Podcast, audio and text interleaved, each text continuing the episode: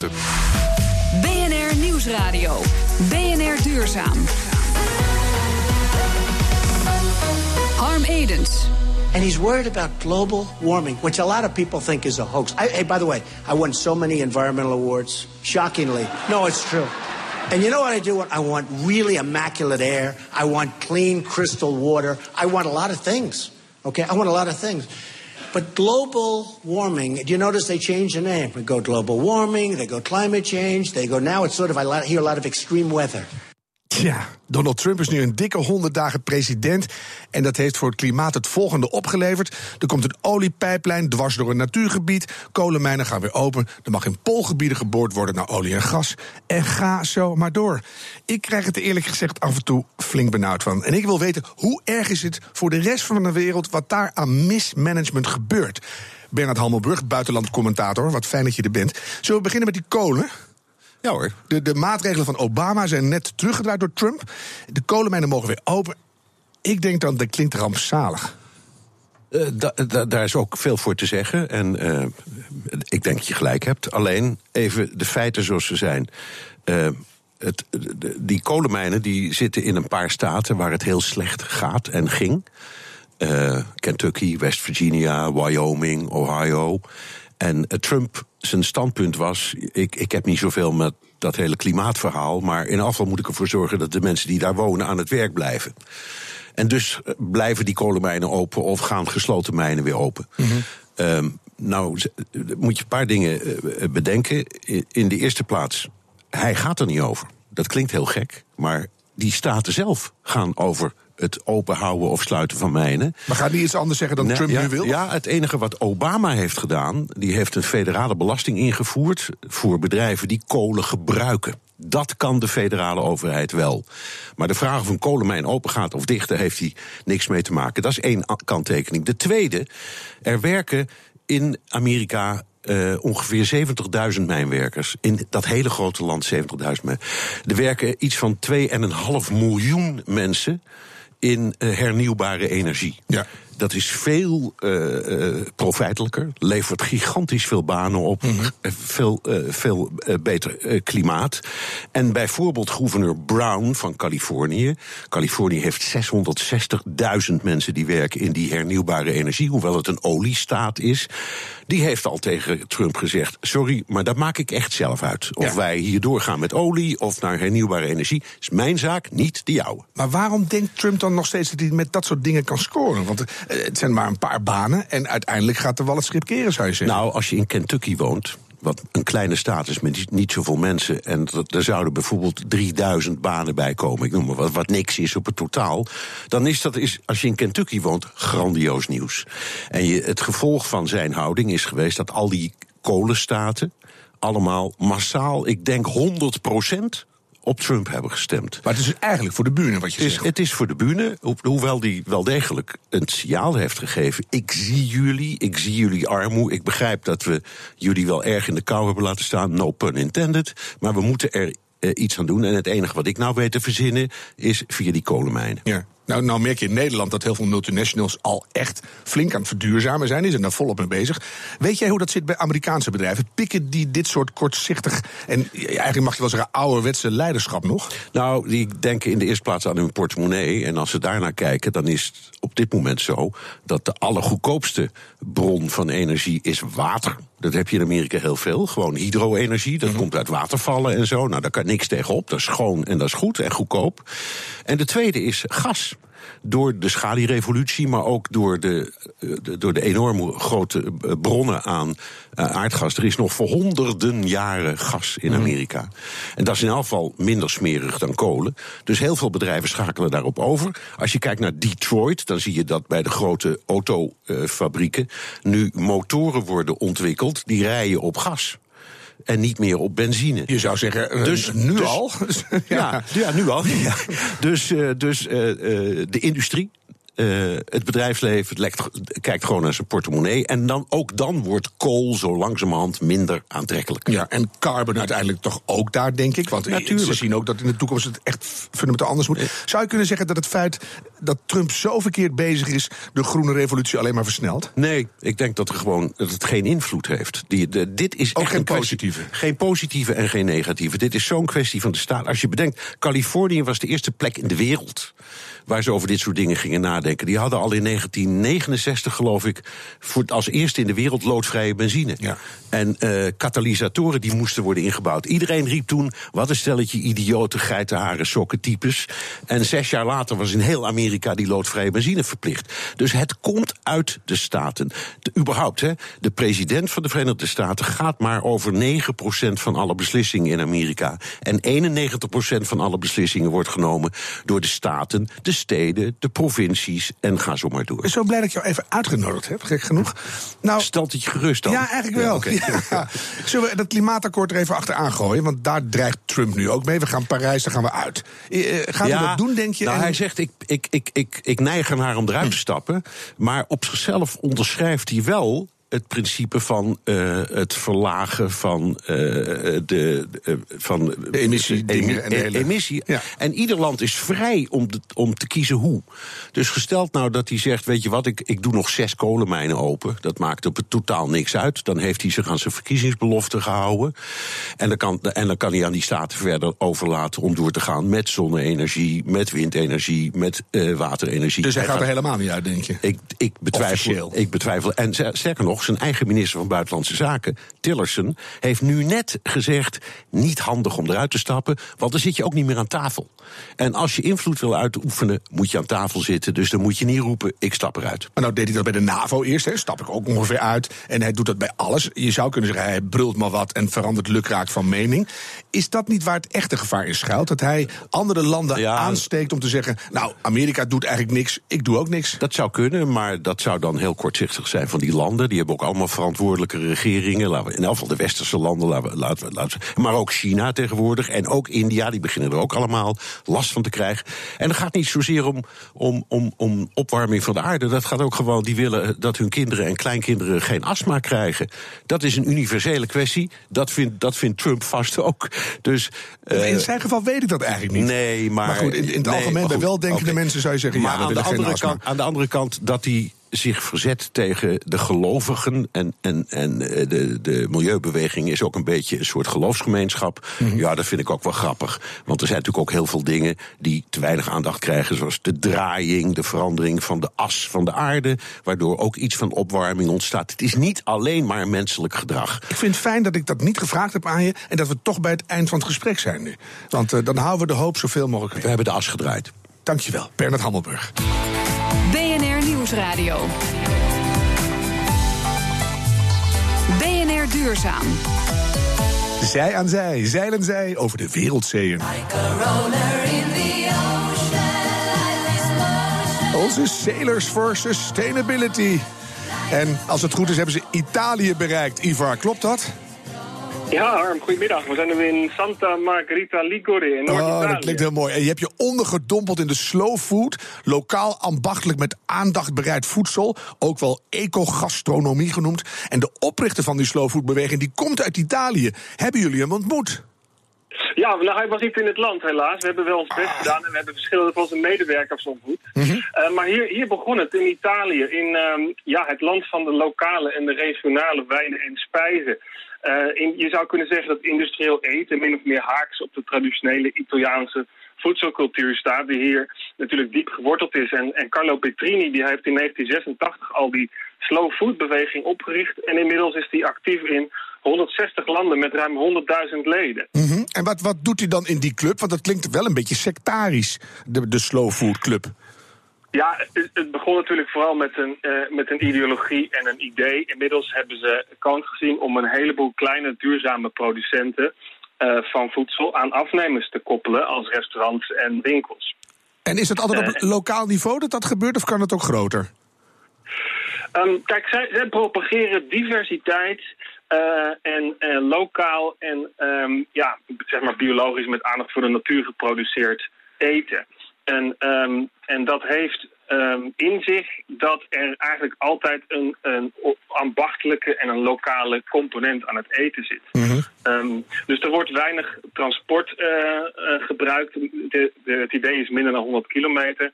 Ehm, en op die manier kunnen de kleine producenten de biodiversiteit in stand houden. En dat is ook goed, hè? Ehm, Want als je weet dat de Nederlandse varkens helemaal naar Italië gesleurd worden om de parmaham van te maken, om ze dan weer terug te sleuren, dan ben ik heel erg pro-slow food. Wat is het lekkerste wat je gegeten hebt? Um, nou, we hebben dus um, onbekende vissoorten gegeten. We waren in Barcelona bij een restaurant wat aangesloten was bij um, Slow Food Barcelona. ja, he hele bijzondere groenten, eh, allemaal uit eigen kweek en van soorten die ik nog niet eerder had geproefd. Dus ik vond dat heel bijzonder en, en erg lekker. Ja, en wat was er dan slow aan? Want een vis die vang je gewoon, is verder niet zo slow, toch? Ja, die restauranteigenaar vertelde dat hij dus zelf uh, dagelijks naar de lokale visafslag gaat en dat hij daar vissen koopt die eigenlijk een beetje bijvangst zijn en, en niet, zo, niet zo bekend zijn. Um, en, en, die wordt dan door de kok creatief bereid met een soort dagmenu. Ik vond dat heel origineel. Ja. En, en, en verder had je daar um, ja, groenten die ze van een boertje uh, kopen vlakbij uit de bergen, die, uh, die dagelijks vers aanlevert. Dus ja, gewoon origineel en kwalitatief uh, hoogstaand eten. En, en, bergboertjes, daar smelt ik altijd wel voor hoor. Blijft dat nou iets voor sterrenrestaurants en kleine eethuisjes? Of kan het ook echt serieuze invloed op de grote voedselindustrie krijgen? Merk ik er thuis iets van op mijn bord? Um, nou, ja, dat is een goede vraag. Ik denk dat, kijk, ze zijn herkenbaar aan een, uh, aan een logo met een rode slak. En, en deelnemende restaurants uh, pikken dat steeds meer op en die plakken dat logo ook op hun gevel. Um, kijk, er komt natuurlijk veel bij kijken in de inkoop en wat, wat de chef of, of de kok in een restaurant kiest. En, en daar is denk ik heel veel te winnen. Je zou kunnen zeggen, het, het, het eten is wat, wat duurder vaak dan het fastfood, maar daar krijg je wel een beter product voor. Voor een restaurant is inkoop van eten maar een van de vele kostenposten. En de menuprijzen die wij hebben gezien waren heel vergelijkbaar en betaalbaar. Dus ja, ik denk zeker dat het heel veel potentie heeft. Ja, en laten we hopen. Op gaan letten. Laten we hopen dat de, de grote industrie dan ook inderdaad denkt: hé, hey, zo kan het ook. Ik ga je danken, Ivar. Doe de groeten aan Floris. Jullie gaan nu richting Sardinië. Klinkt ook heel uh, duurzaam. En uh, luisteraars die tips hebben, stuur een bericht naar salersforsustainability.nl. De directeur van autodeelplatform MyWheels deed haar auto weg. Wat haar betreft moet jij dat ook gaan doen. Waarom? Dat hoor je zo in BNR Du. Nieuwsradio. BNR Duurzaam. Vroeger ging je nog onschuldig carpoolen. En nu moet je minstens een account hebben op Snapcar, Car2Go of Greenwheels om een beetje hip mee te scheuren. Maar het schijnt nog beter te kunnen op MyWheels. Directeur Karin, Carina moet ik zeggen. Ik wil steeds Katinka tegen je zeggen. Maakt niet uit. Nou ja, dat, dat kunnen we ook wisselen dan misschien. Carina Tikstra is bij mij in de studio. Ik wil even weten hoe je gekomen bent. Op de fiets zeker? Natuurlijk, ja. Is echt waar? Ja. Want nee, er we was- zitten hier in Amsterdam, dus dan neem ik geen auto. Nee, maar dat, dus jij bent al iemand die sowieso heel bewust met auto's omgaat, hè? Inmiddels wel, ja. Dan is dat vast established. Hoe Ja. werkt MyWheels precies? Want de naam denkt dat het toch om je eigen wielen gaat.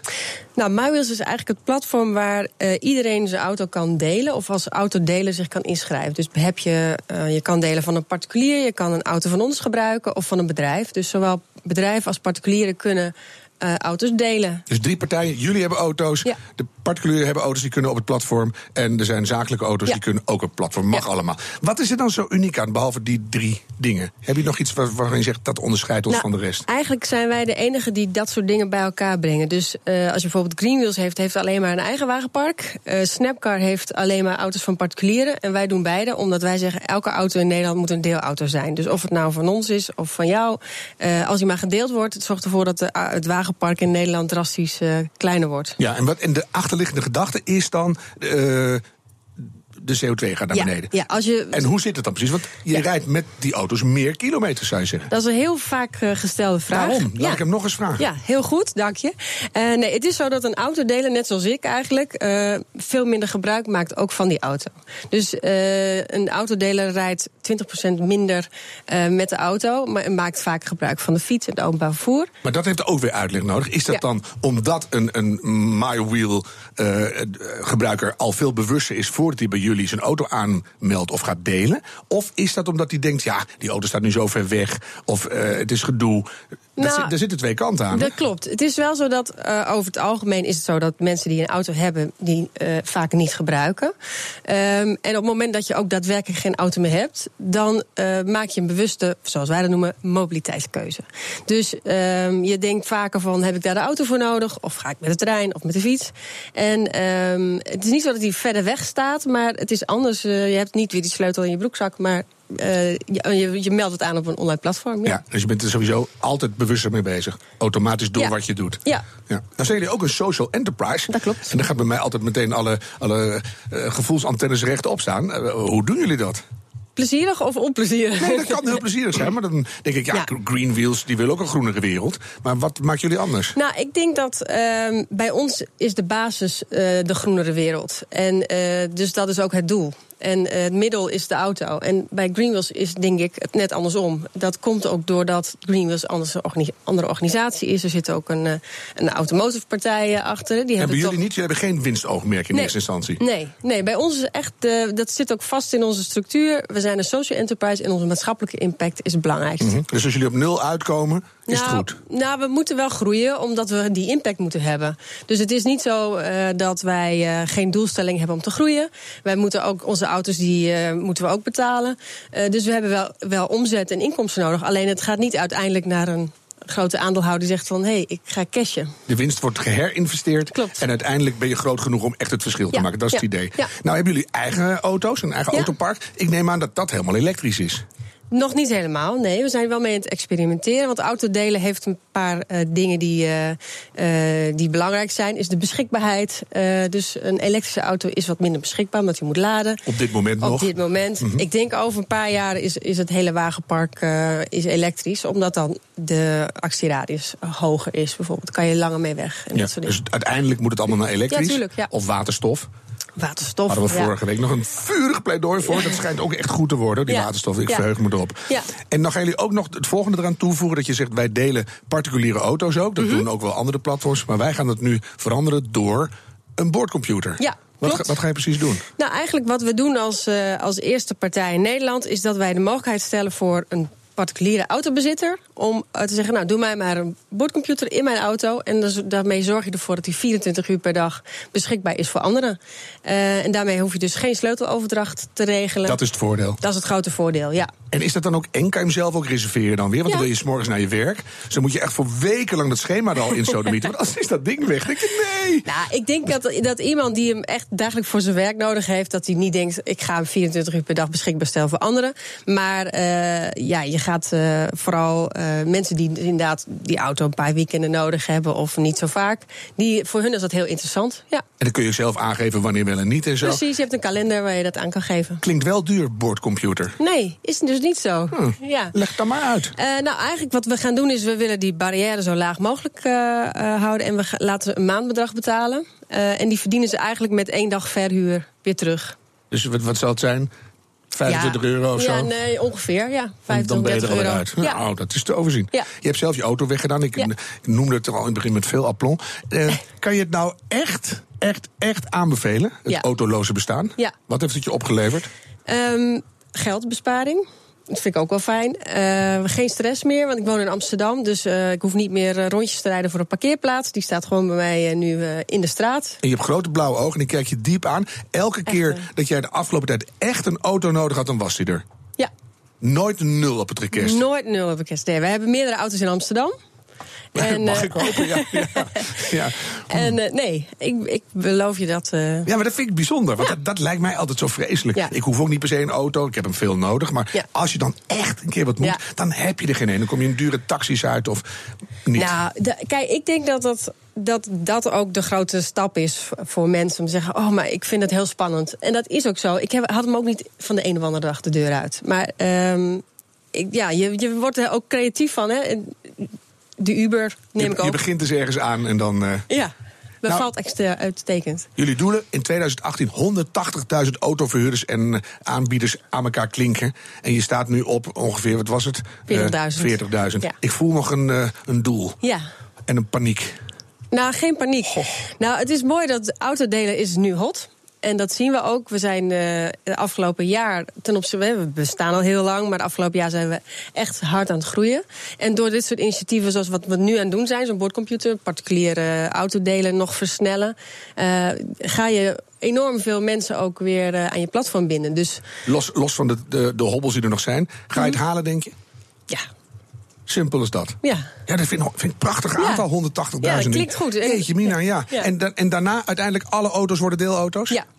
En, en waar zitten we dan? Welk, welk jaar nou, mm, ja, dat hangt een beetje. Hangt, dat kunnen wij natuurlijk niet alleen. Voor jouw gevoel, want jij Voor hele dag niks anders. Nou ja, we zouden van 8 miljoen eh, auto's in Nederland nu naar 1 miljoen moeten gaan. Nou, als we dat in 2025 hebben gehaald, dan uh, drink ik champagne. Ja, ik ook, maar dat ga ik gewoon nog meemaken. Dat vind ik altijd een goed criterium. ik ga je veel succes wensen. En dankjewel dat je hier was. Carina Tiekstra, directeur van MyWheels. Dank je.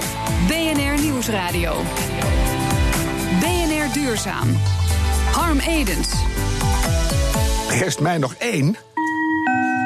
Laatste vraag. Die gaat deze week over circulariteit, het toverwoord in de duurzame wereld. Op sommige terreinen lukt het al een beetje om grondstofketens te sluiten en de cirkel echt rond te maken. Maar andere sectoren, zoals de kledingindustrie, hebben nog een lange weg te gaan. Hoe kun je lokale markt gebruiken? Is een lokale markt inderdaad een markt ja, waarmee je een cirkel dichtbij rond kan maken, zeg maar, van het ontwikkelen van gadens tot aan het recyclen van gadens? Dat is de vraag waar het project Going Eco Going Dutch mee is gestart. Het doel? Op lokaal niveau een circulaire textielketen opzetten. Ondernemer Els Buchter van babylabel Toulecherie moest wel even omschakelen.